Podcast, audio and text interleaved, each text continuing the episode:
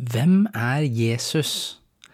Det var eh, tittelen på en av presentasjonene på en religionsdidaktisk konferanse på NTNU i 2019. Bare hør på det her. Okay, so Rob, you have a paper in this conference which is titled Who is Jesus? What is this uh, talk about? So, shamelessly, this is publicity for a textbook that I've written with other people. Uh, so, we've taken the question, Who is Jesus? which you will have seen. Vi er inne i en serie med episoder om en ny tilnærming til religions- og livssynsundervisningen som heter Researchers.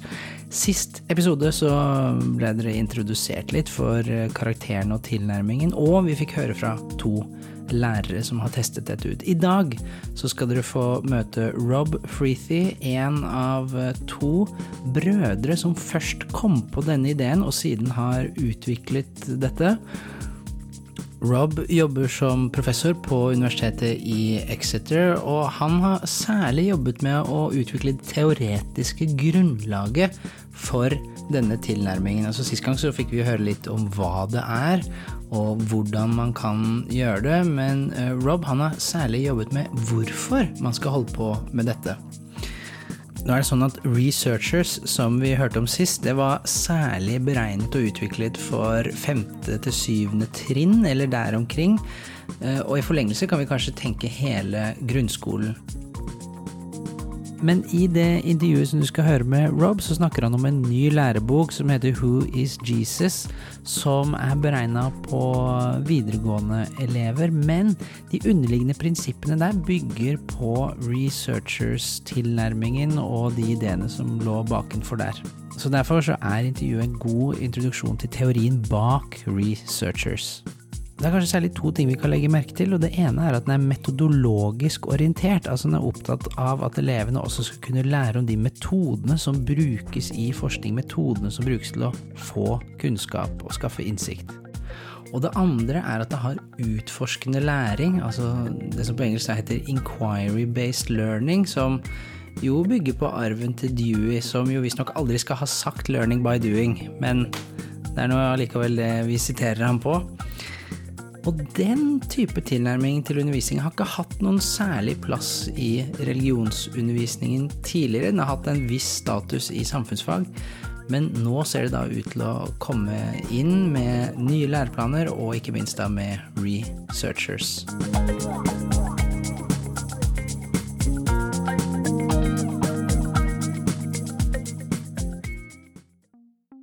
Du hører på KRLE-podden. Mitt navn er Knut Aukland.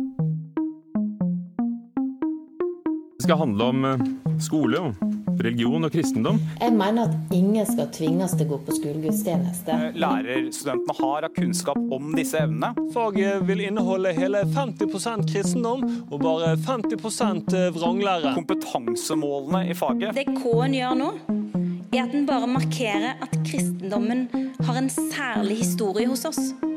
Og det er jo sant. Den K-en kom til for tre og et halvt år siden. Den var ikke der før. Det handler først og fremst ikke om K-en. RLE-faget har jo en litt brokete historie. Abonnerer de selv på KRLE-podden som lærer? Ja, det er en selvfølgelig ting.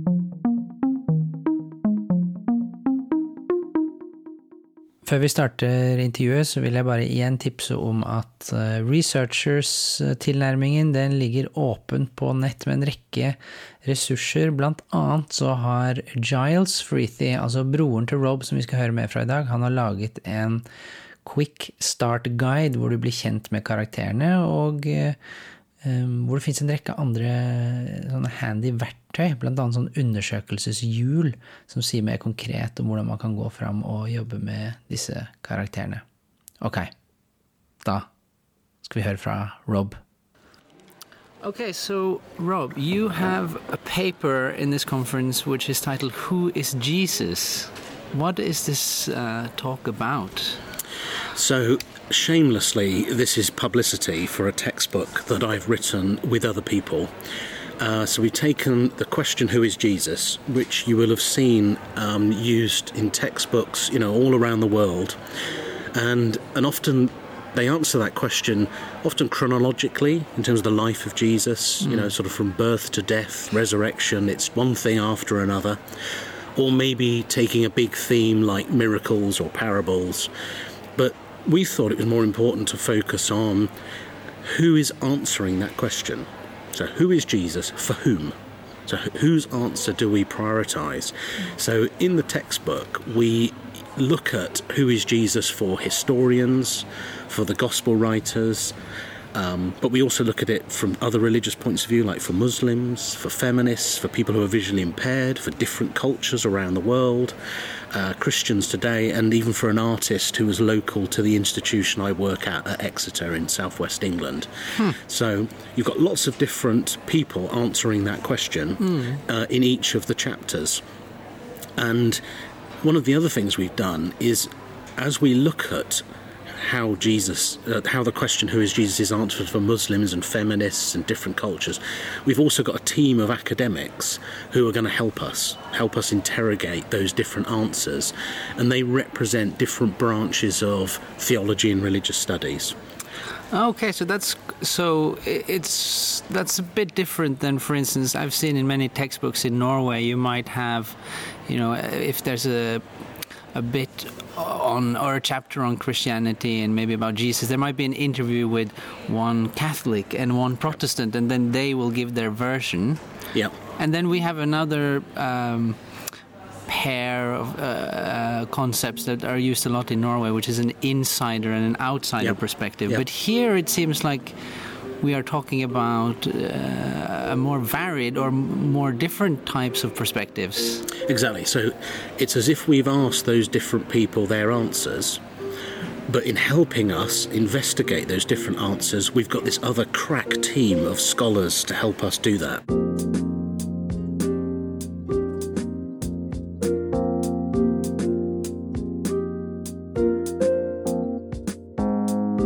So that's been inspired by other work that we've done, which was called, well, some people say the uh, researchers, some people call it the RE searchers. And there we had um, four different characters, and each one represents different interpretations, methodologies, or methods that are deployed in theology um, and or religious studies. Um, and so they kind of, it's almost like they work alongside the pupils, or the pupils role play being those characters. And so they help us investigate any topic in the study of religions and worldviews. So could you give a very concrete example with uh, with Jesus and then these different characters or roles that, if I understand it correctly, then the, the, the students can then adopt these roles Yeah. or the Yeah. can, yeah. So if you, if, let's take your example, right? This, this, this isn't in the textbook, but it just shows you how the theory would work. So let's say we were asking who is Jesus. Let's say we wanted to interview um, people from two different denominations. We might use the researcher's character, um, ask it all Ava. So ask it. All of these characters start with a verb. So she asks things. She's called Ava. She does interviewing. She does empathizing. Her aim is to understand herself, but it's also to understand other people. And so as we're interviewing, say you're Catholic and you're Protestant, we're not just listening to their answers and learning about their viewpoints, we're also thinking about the process of interviewing. We're learning the skills of interviewing. We're understanding how the questions we're asking are helping to dictate the answers that we get. So, Right. so students learn two things then. They get knowledge of the answers that those people provide, mm. but they also get knowledge about the the methodology, the research method that they're using in order to investigate that. Right. And does she kind of represent a discipline as well in, in academia? Is she, So in, in Ava's case, um, I mean, is she a journalist? Is she an anthropologist? Yeah, so she's probably she, when we first developed the character, we were probably thinking about kind of ethnographic studies. We were thinking about perhaps interpretive interpretive social science methods. Um, the key for us is that the characters are different. So one person see the story Susie is about narrative, it's about interpretations, it's about stories. So there's hermeneutics, there's exegesis.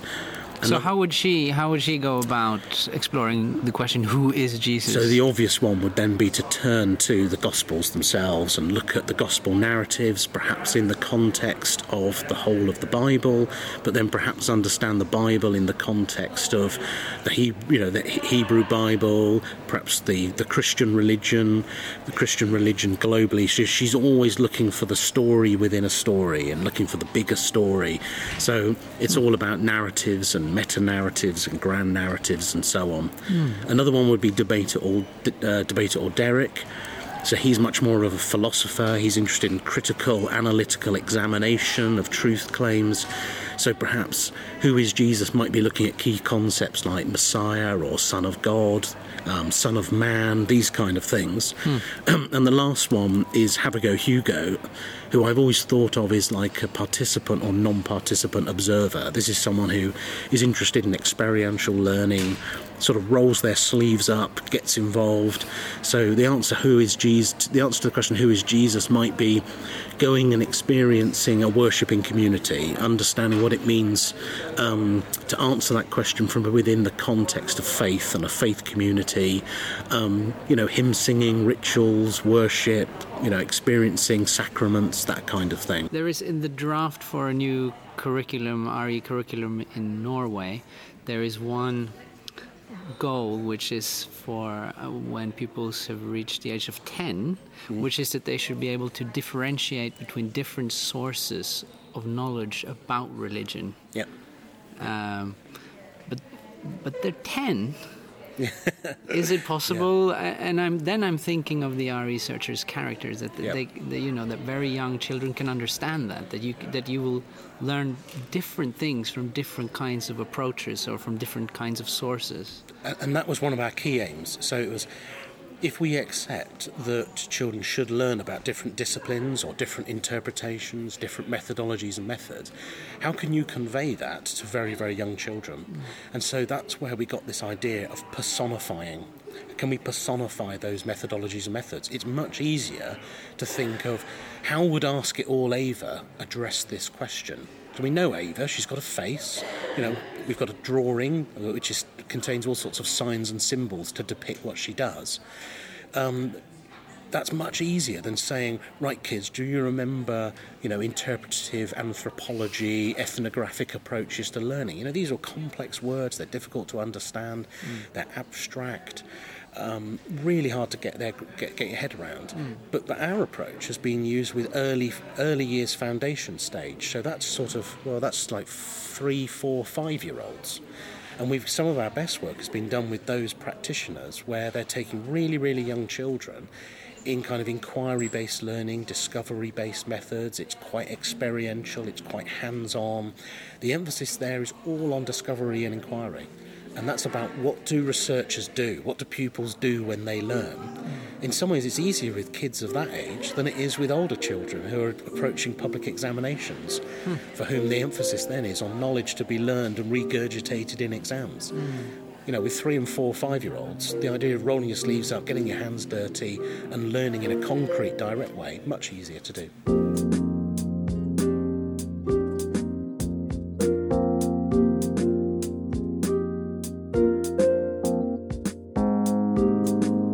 The characters we've used this time are kind of more grown up. So we've got someone called Dr. Emily Stewart, a church historian, Dr. Tom Abbott, who's a theologian, uh, Dr. Camilla Malik, who's a scholar of Islam, and we've got two others. So here we've used, well, they sound more realistic, you know, they sound like real people. None of them are, they're all fictional. Um, we've made them up. But it's a way of teaching students not just the different answers to who is Jesus, but also different methodologies, different interpretations, different methods of going about exploring that. So we've created a huge sort of matrix where we look at. So you take a question like, um, who is Jesus for? I don't know, like for feminists. So the academics we might u- use are like theologians or church historians or Bible scholars. We might look at it through the lens of contextual theology. That would be our kind of disciplinary approach. And our sources, well, we might look at feminist theology. We'd obviously look at the Bible. We might look at material culture. So you know, Hmm. representations of feminist perspectives, you know, feminist Christs being depicted in art, church documents, Hmm. policies on um, women priests and so on, that kind of thing.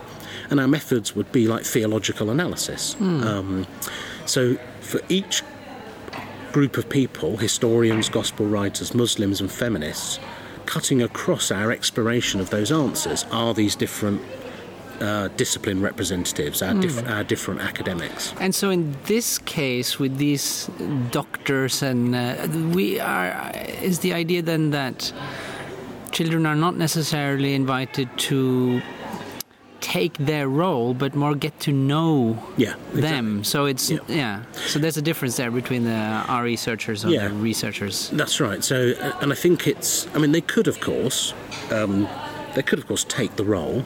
I think it's more more joining in an, an ongoing dialogue. So, I always sort of think, you know, imagine they're all sat around the table. You know, what sort of things does Emily Stewart say? She's a church historian. Right. What kind of questions does she ask? What kind of contributions does she make to our ongoing discussion? And how does that different differ from another one we've got called the Reverend Professor Lydia Green? Hmm. She's a theologian, and we've created a little biography, like sort of pretending what, why these people went into theology and what did they study at university and are they theist or atheist or agnostic and all that hmm. kind of thing. So you are learning about these different people. They're fictional, but of course they sort of stand for different disciplinary perspectives or different methodologies or hmm. And and but but it seemed to me, maybe from a Norwegian point of view and someone who comes from the study of religion, that a lot of those uh, disciplines represented are th- is theology in Yeah, various yeah. versions. I mean, there's no sociologist No. or anthropologist or psychologist. that in the, for this particular textbook that's absolutely true and uh, the reason why we did that was because in the UK there has been quite a debate about whether or not it's appropriate to sort of used theological methods within the context of multi-faith you know integrative you know inclusive RE and a lot of people have said it's not appropriate They've said theology entails belief, theistic belief, and you can't expect all students to have theistic belief. And then, if you, so, if you make that assumption, you're infringing their rights, their you know human rights, freedom of belief, and so on. Whereas in our approach, I wanted to say that different forms of theology, different forms of theological inquiry, um, can be used so long as you're always critical so long as you're always submitting them to scrutiny, so long as you're always dialogic, so you're using a plurality of different approaches. And uh, whenever you use an approach, you're able to stand back from it and reflect on it and s- submit that to scrutiny. And so here I always talk about sort of theology, theology being a kind of getting a you get a critical proximity to something. You get right up close to it. You're trying you are trying to understand it from the inside as far as that's possible. But at the same time, you've got to enable students to maintain a critical distance. Hmm. So you oscillate backwards and forwards, getting close, being far away. So all of the, this this textbook is probably skewed much more to theology hmm. Than religious studies, and our researchers' approach is a bit more broad ranging. Right. So we're aware of that, and it's a legitimate criticism, but it's exactly the kind of thing that I would say you should discuss that in the classroom. You should be saying, here are five different academics who are helping us answer the question, who is Jesus? Which, which other academics could we turn to, and how might their answers differ? And uh, on what uh, level are you? Th- uh, is this textbook aimed at? I mean, it could be used for teachers, students. Yeah. Uh, uh, can it be used for younger children? Wh- wh- What are your thoughts on that? So, I think our primary objective was to put into practice some of the underlying theories. So, we'd, we'd written some theoretical stuff, you know, we tried to explain these ideas around big ideas about the study of religions and worldviews. How do we go about learning about religions and worldviews? And that's all very well and good, but it does appear quite abstract, and it's not always easy for people to understand what you mean. And what would that look like in the classroom? So here we've kind of made an attempt to to show what that would mean, and we've aimed it at the upper secondary school. So, what age Um, is that? So that's 16 to 18. Um, but you could easily use this in teacher education. So you could actually share it with teacher trainees, so people who are learning to be teachers, in order to get across the idea that um, pedagogy, you know, the strategies that you adopt for learning about religions and worldviews, within them are embedded all sorts of assumptions about the nature of religions and worldviews, how we generate knowledge about religions and worldviews, the different methods available to us. And we wanted to put all of that on the curriculum. That should be seen as content to be learned, mm. as well as a tool you use to find things out. So, in some ways, a, a, trainee teacher could use this textbook in order to understand hey, there's lots of different ways we can learn about religions and worldviews. Um, whenever I teach in a particular way, that means I'm making a choice about how we're learning and I'm not making other choices. And if I don't make that explicit to the students, it might be that I'm guilty of some kind of indoctrination, that they're having to, they're, they're making all sorts of assumptions.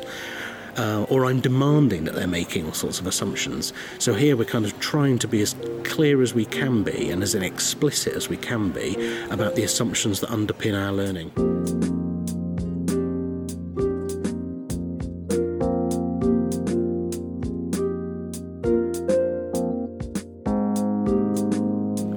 We've thought about is how you could how you could conceive of pedagogy as research or as research as pedagogy.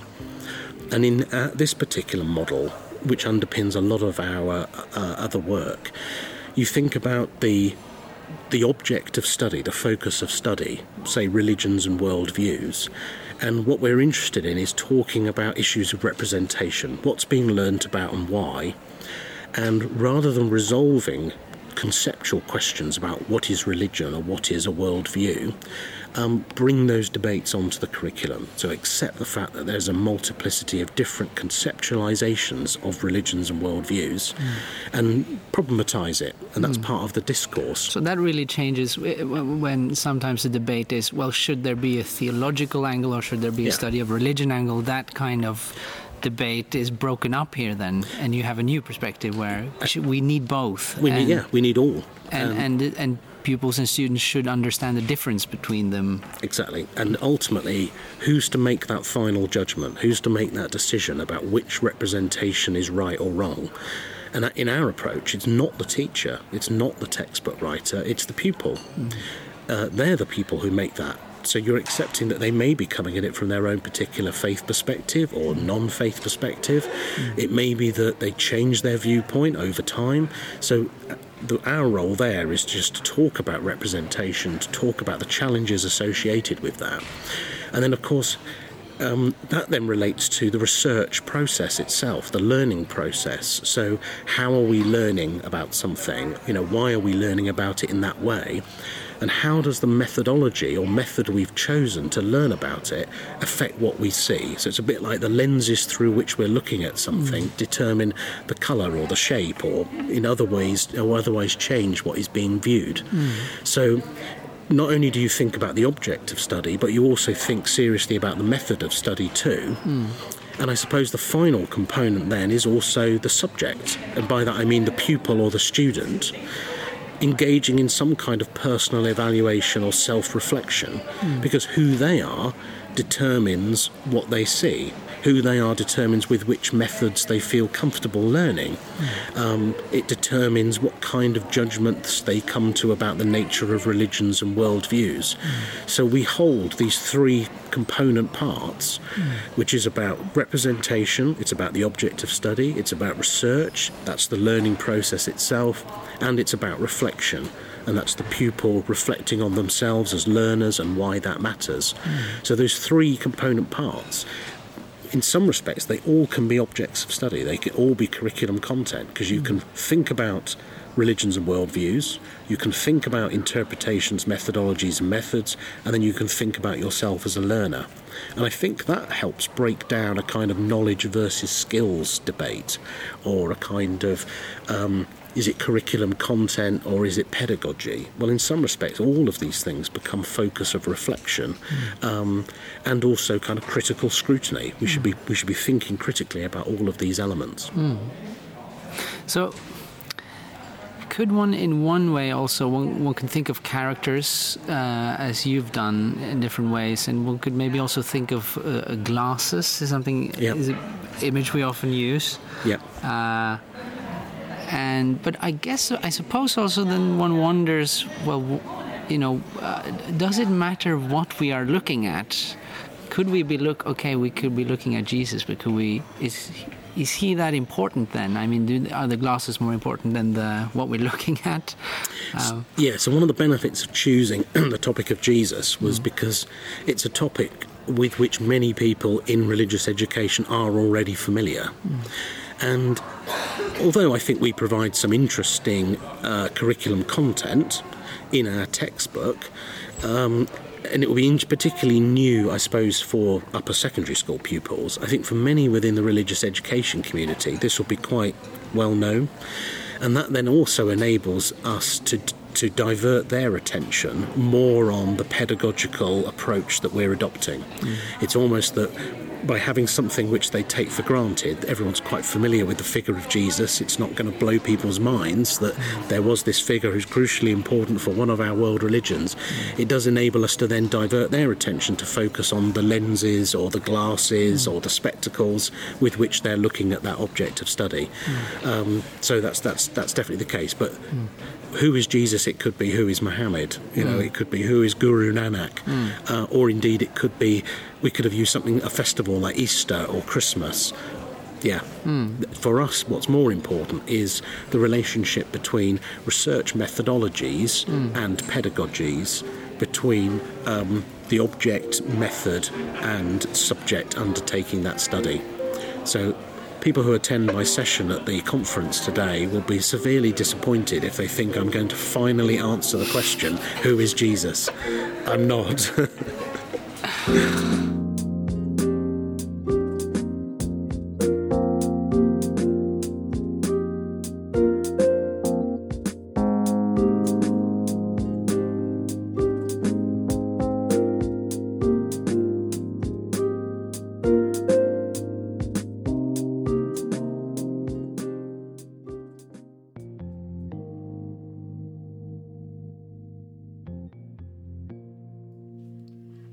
Takk til eh, Rob Freethy. Bakgrunnsmusikken har vært av Lee Rosevere. Og eh, ja, vi er jo fortsatt midt inne i eh, koronapandemien.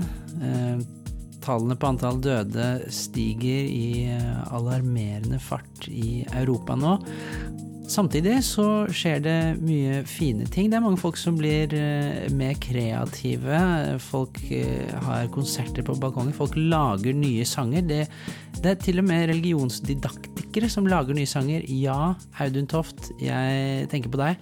Uh, og det inspirerte meg nå til å ta fram min egen lille minigitar. Fordi Rob Freethy han holdt jo Han hadde en sånn paper, en presentasjon på den konferansen.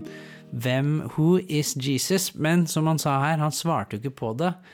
Så jeg tenkte jeg skulle finne fram til noen som har svart på det, og en av de er Woody Guthrie. Og han sa det ganske enkelt, rett fram. Jesus was a man, a carpenter by hand, his followers true and brave. One dirty little coward called Judas Iscariot has laid Jesus Christ in his grave. Jesus Christ was a man who traveled through the land, a hard working man and brave. He said to the rich, Give your money to the poor, but they laid Jesus Christ in his grave. Yes, 'cause Jesus was a man, a carpenter by hand.